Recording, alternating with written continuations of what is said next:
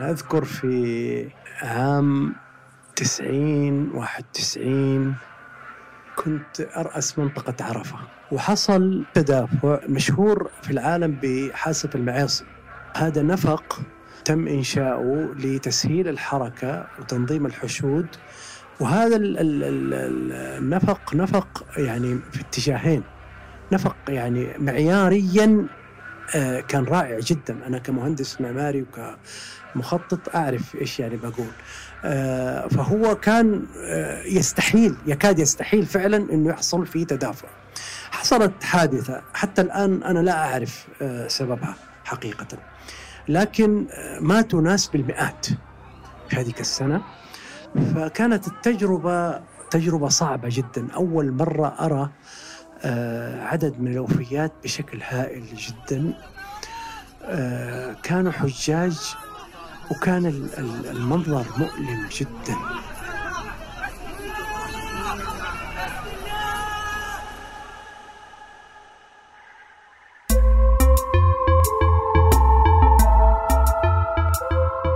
إذا منطلع على الصورة الكبيرة ومننسى ولو لحظيا الكوارث الطبيعية والحروب منلاقي إنه عالمنا منظم كتير ومتوقع إلى حد كبير.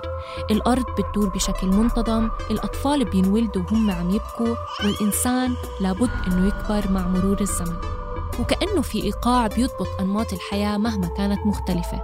بس بهذا البودكاست ندعوكم تنضموا إلنا لنكتشف عوالم جديدة ونغرق مع بعض بإيقاعات بتختلف عن اللي تعودنا عليها. عوالم مجردة وبديلة عوالم متداخلة عالم جوا عالم جوا عالم تماما مثل اللعبة الروسية ماتريوشكا. أنا تالا العيسى بهالموسم رح أبلش معكم من أصعب مكان من عالم الموت.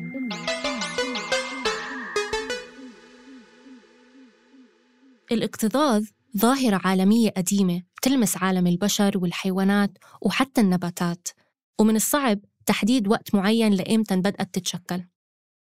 اليوم رح نحكي عن هاي الظاهرة اللي بنسمع عنها بعد كوارث طبيعية أو مراسم موسمية بس نادرا ما بنفهم كيف بتأدي للموت يعني بيولوجيا وفيزيائيا كيف ممكن لأجسام متراصة مش مريضة وما بتحمل سلاح تأدي لعنف غير مقصود بيوصل لحد الموت. رح نتعمق بالتقاطعات الكتيرة ما بين الموت وفهمنا عن الهندسة المعمارية الرياضيات والمساحات بشكل عام. إذا بدنا نحكي عن منطقتنا العربية بالتحديد منلاقي إنه الاكتظاظ كشكل من أشكال الموت لقى طريقة بأماكن عديدة منها محطات القطارات قوارب ترحيل اللاجئين الاحتجاجات والمظاهرات البواخر والعبارات السجون وأخيراً الحج وشعائره ومراسمه. أنا من طفولتي وأنا في آه، مكة المكرمة وعلاقتي بالكعبة والحج آه، مرتبطة من صغري وكانت الحجاج ما يزيدوا عن مئة ألف حاج تقريبا يعني أو في هذه الحدود مية مية وخمسين ألف. آه، من طفولتي أنا أتكلم. بعد كده بدأت تزيد. الآن مثلا عندنا في ليلة 27 رمضان اللي هي يسموها ليلة القدر. لأنه العدد برضه في حدود مليونين وخمسمية ثلاثة مليون حاج يعني يستهدفوا الطواف حول الكعبة آه، آه، والصلاة في الحرم. هذا صوت المهندس المعماري جمال شقدار يلي انولد بمكة سنة ال 61 ودرس واشتغل فيها لأكثر من 30 سنة. بعد دراسته الهندسة المعمارية وتخصصه بالتخطيط اشتغل بأمانة العاصمة بأعمال كتيرة بما فيها أعمال منظومة الحج والعمرة. خلال سنوات عمله شهد جمال أحداث عديدة متعلقة بالاكتظاظ سنوياً بيتوجه الملايين من الناس لأداء مناسك العمرة والحج. ورغم إنه المناسك هاي هي نفسها نفسها اللي شهدها أبائنا وأجدادنا وأجداد أجدادنا إلا إنه محيط هاي المناسك تبدل وبتبدل على طول. وبالمحيط بقصد شكل المكان ومساحته. جمال كان شاهد وشريك بهالتغييرات. أنا أذكر آه، وأنا يعني في الثانوي آه، كنت أصلي التراويح في رمضان في آه، العشر الأواخر من رمضان قريب والكعبة أمامي. الآن أنت محظوظ إذا قدرت تصلي في الساحات. آه واضحة الصورة؟ وكان الإمام قدامنا والكعبة أمامنا. وبل نقدر نطوف ونمسك الحجر الأسود. وصحيح في يعني في أوقات معينة فيها زحمة لكن لا تقارن أبدا بما يحصل الآن. فعلا القفزات في الأرقام قفزات هائلة جدا هالصورة يلي ببال جمال عن قدرته على احتضان المكان وهو بيصلي فيه اتغيرت مع الوقت.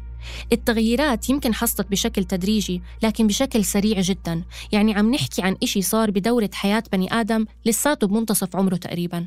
هي سببين رئيسيين لقفزة الأرقام. السبب الأول أنا أتكلم عن 40 سنة أو 30 سنة وجاي.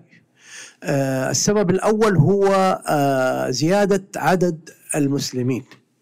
زيادة عدد المسلمين نتكلم من آه، قبل 40 سنة كانت 600 مليون. الآن مليار.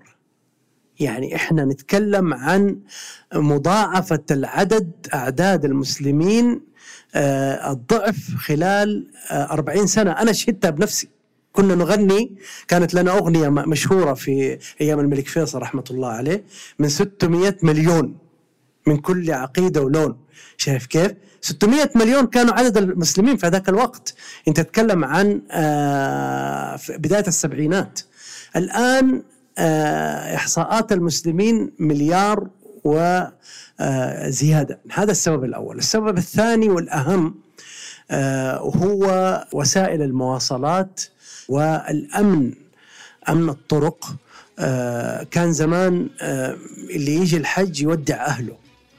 الآن آه، بيركب طيارته ويجي بعضهم يوصل هنا أربعة ذو الحجة. كانوا قبل خمسين سنة يمشوا ستة شهور من ديارهم حتى يصلوا هنا. وكان أمن الطرق صعب جدا.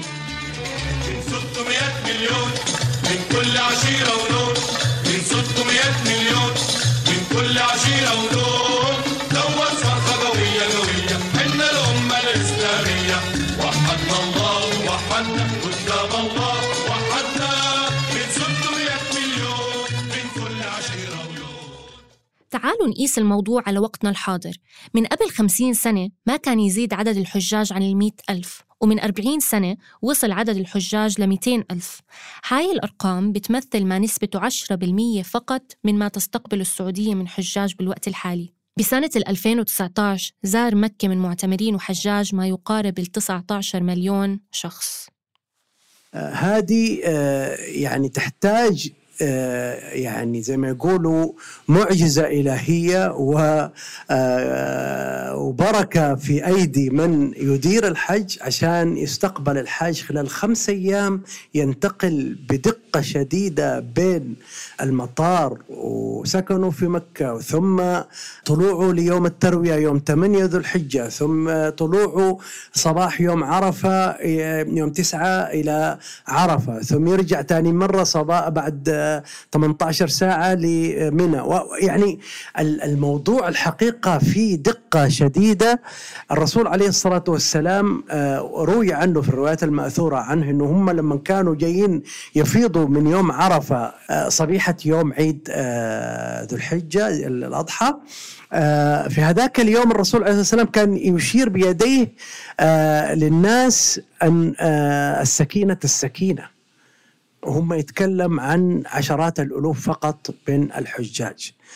كيف تتكلم عن شيء اسمه آه، ملايين؟ في في وقت واحد. أنا أقول إنها مهمة آه، ما أقول مستحيلة لأنها بتؤدى الآن لكنها مهمة آه، في منتهى الصعوبة. الاكتظاظ يلي عم بيحاول يوصفه جمال ناتج عن ذاكرة بصرية عالقة بذهنه من مواقف كان هو شاهد عليها. بعض هالمواقف كان يقدر يشوفها من كاميرات المراقبة أو ينتبه عليها عن بعد مسافة معينة. لكن مواقف تانية كانت قريبة منه كتير ولقى حاله فيها عاجز.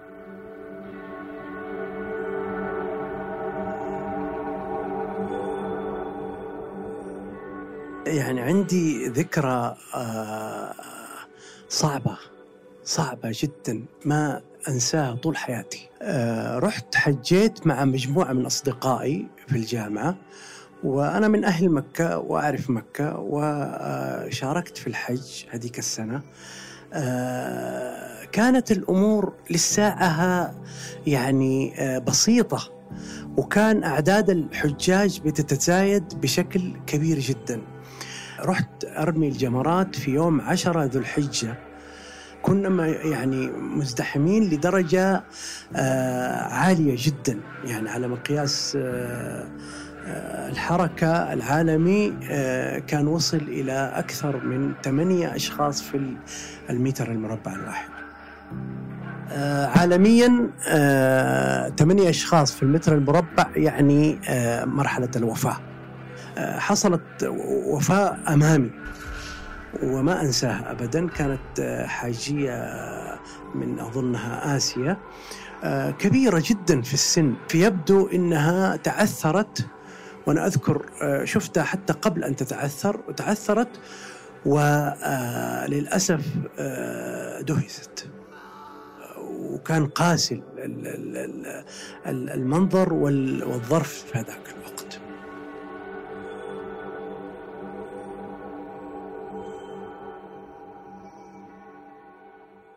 على فكرة الاكتظاظ ما بيخصنا إحنا البشر وبس. بتتذكروا مشهد Lion King اللي بموت فيه موفاسا؟ هلأ مزبوط Lion King كرتون بس فعليا الحيوانات مثلنا إحنا البشر ممكن يموتوا من الاكتظاظ ومش بس الحيوانات النباتات كمان. الاكتظاظ بحالة النباتات بيأثر على دورة حياة الشجرة ومقدرتها على الإنتاج.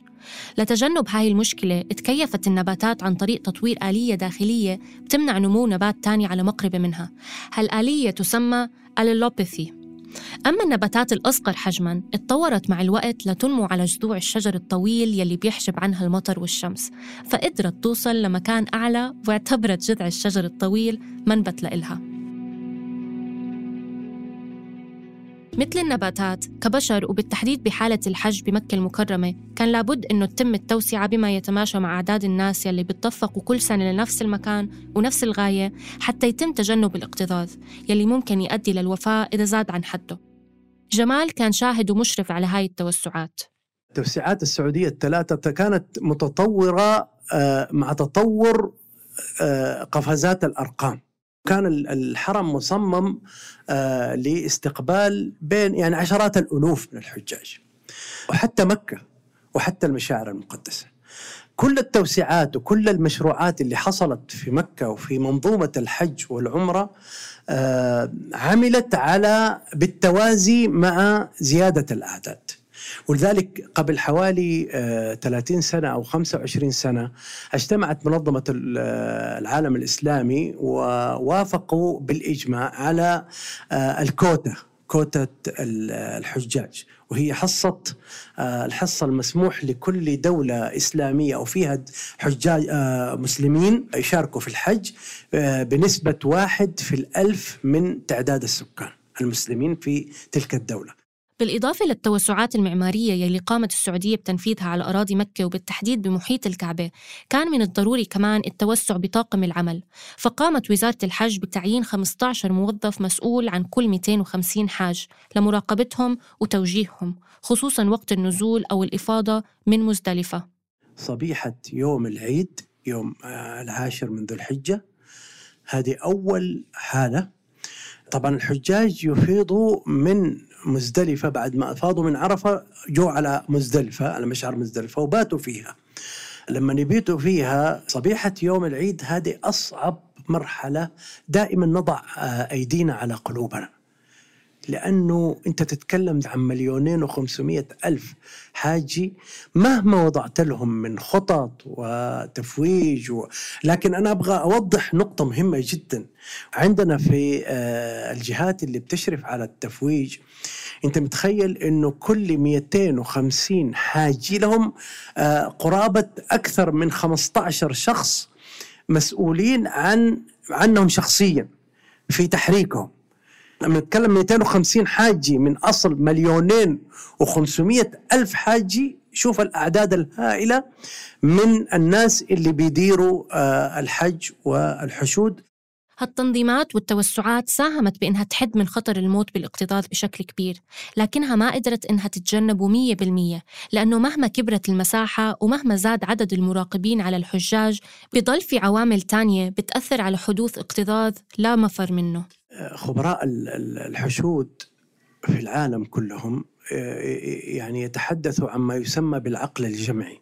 وهذا تحدث عادة في المظاهرات في آه، التحركات الجماعية اللي هي أقل كثافة. اللي هي نتكلم إحنا عن مقياس حوالي آه، أربعة إلى خمسة أشخاص بالكثير في المتر المربع.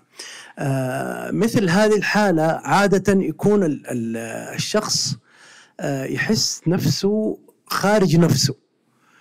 يعني بمعنى هو لا يفكر بعقله مباشرة بل هو يفكر آه، بصيغة تفاعلية بين عقله وخبرته وفهمه والعقل الجمعي اللي آه، يحيط به. آه، في الحج يزيد عامل ثالث. ليس فقط العقل الفردي وليس وكمان معاه العقل الجمعي زي ما يحصل مثلا في المظاهرات. لا في الحج يحصل آه، يدخل آه، معيار ثالث أو عنصر ثالث وهو عنصر الترابط الجسدي. الترابط الجسدي عندما تكون أنت في سبعة آه، أشخاص في الميتر مثلا وهو تقريبا الرقم العالي جدا أو ثمانية. ثمانية مرة خطير جدا. تكاد تشوف نفسك يمكن ما انت ماشي على أقدامك يحملوك الفوج نفسه. لكن سبعة آه تكون متلاصق جدا. وهو أمر مرة مرة صعب صعب. يعني يعني وصفه من الصعب جدا. من ناحية أنه آه تخيل نفسك أنت بتفكر في نفسك. وأيضا كل محيطك أو العقل الجمعي يفكر لك. ليس بس العقل الجمعي بيفكر لك ولا عقلك بيفكر لك. أيضا الكتل البشرية المتلاصقة هي تدفعك. يعني قد يعني مثلا الحاجية اللي أنا حكيت عنها قبل شوية. هي مسكينة. هي أكيد بتحاول تهرب من من المصير الكارثي اللي وصلت له. لكنها لا تستطيع لأنه أساسا الترابط الجسدي يدفعها دفعا لشيء هي لا تستطيع أن تقف أمامه.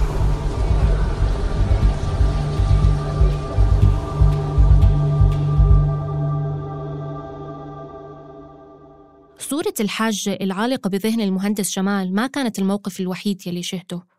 بال 2015 حصلت حادثة في منى بسبب تدافع الحجاج وصل فيها عدد الوفيات لتقريبا 770 شخص. أثارت هالحادثة كثير من الجدل والاتهامات لأنه مثل هيك حوادث دايما بيصير في ردود فعل قوية من جميع الجهات. وعلى فكرة هاي مو أول مرة بتصير هيك حادثة بمنى.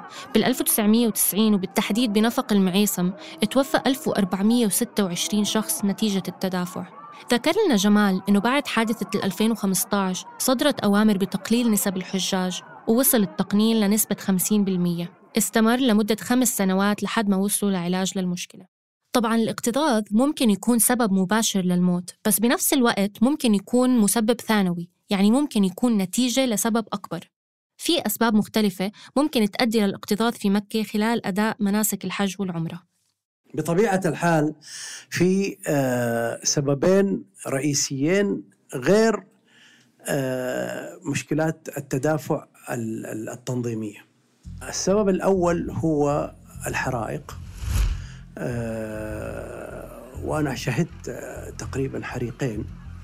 وكنت رئيس منطقة آه، من مناطق منى آه، وحصل الحريق هذاك. كان حريق هائل الحقيقة سبب وفيات آه، كبيرة. الحريق طبعا تسبب في تدافع الحجاج هربا من الحريق وآثاره والدخان. حتى إحنا كجهات أنا كنت رئيس منطقة وكان عندي مساحة معينة كان المفروض إنه ما يدخل فيها غير الموظفين لكن وقت الحريق فتحنا كل كل الجهات فتحت أبوابها حتى تستقبل الحجاج عشان نمتص أي تدافع يحصل. السبب الثاني أو الأسباب الثانية الكوارث المناخية اللي هي زي ما يعني نعرف الأمطار الرياح والحقيقة صدر أمر بأنه ما يدخل الغاز ابدا داخل المشاعر المقدسة وكل الطبخ إما يكون بالكهرباء أو بالحطب أو يعني بأشياء لا تسبب الحرائق الهائلة.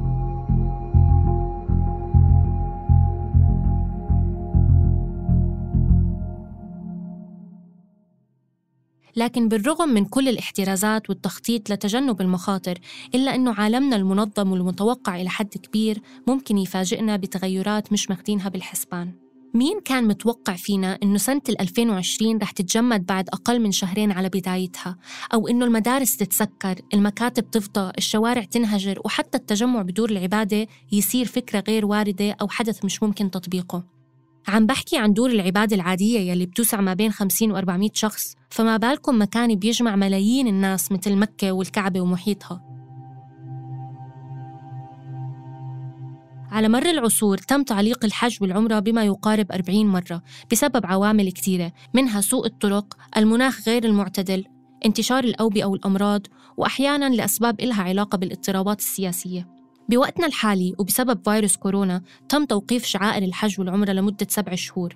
سبع شهور من الفراغ. المكان اللي بمخيلتنا الجمعية دائما بكون مليان بملايين الأشخاص اللي عم يركعوا ويطوفوا بتناغم. فجأة صار فاضي. لكن تدريجيا بدأت السعودية بتنفيذ خطوات احترازية لاستئناف المناسك وإرجاع المعتمرين والحجاج على مكة. وضعنا معايير عالية المستوى.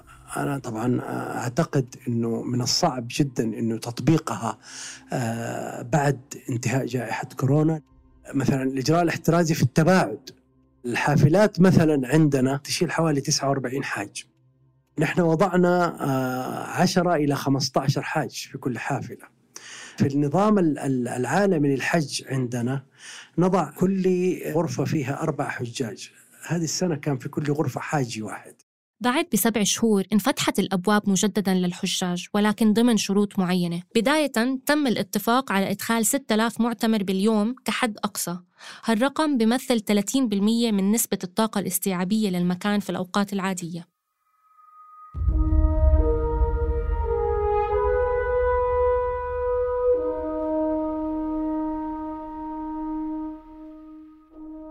في مقولة بنستخدمها بحياتنا لما يصير موت غريب أو غير اعتيادي بتقول تعددت الأسباب والموت واحد.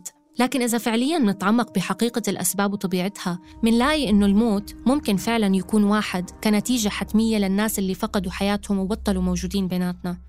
لكن من وجهة نظرنا إحنا الأحياء الشاهدين على الموت منلاقي إنه الموت بيجي بأشكال وأنواع كتيرة. وبكون عنا الفرصة والفضول إنه نفهمه نحلله نفكر فيه وأحيانا نحاول نتجنبه أو حتى نلغيه تماما من حياتنا.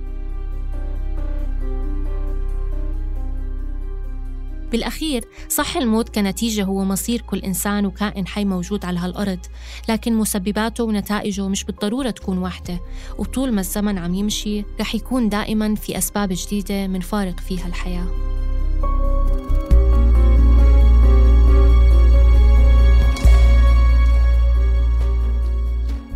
كنا معكم من الكتابة والإعداد سليم سلامة التقديم والمشاركة بالإعداد تالا العيسى هندسة الصوت وإخراجه تيسير قباني النشر والتواصل مرام النبالي. انتظرونا الأسبوع الجاي لتسمعوا حلقة جديدة من ماتريوشكا واتركوا لنا تعليقاتكم وتجاربكم مع الحج على مواقع التواصل الاجتماعي على تويتر، إنستغرام أو فيسبوك. ماتريوشكا من إنتاج صوت.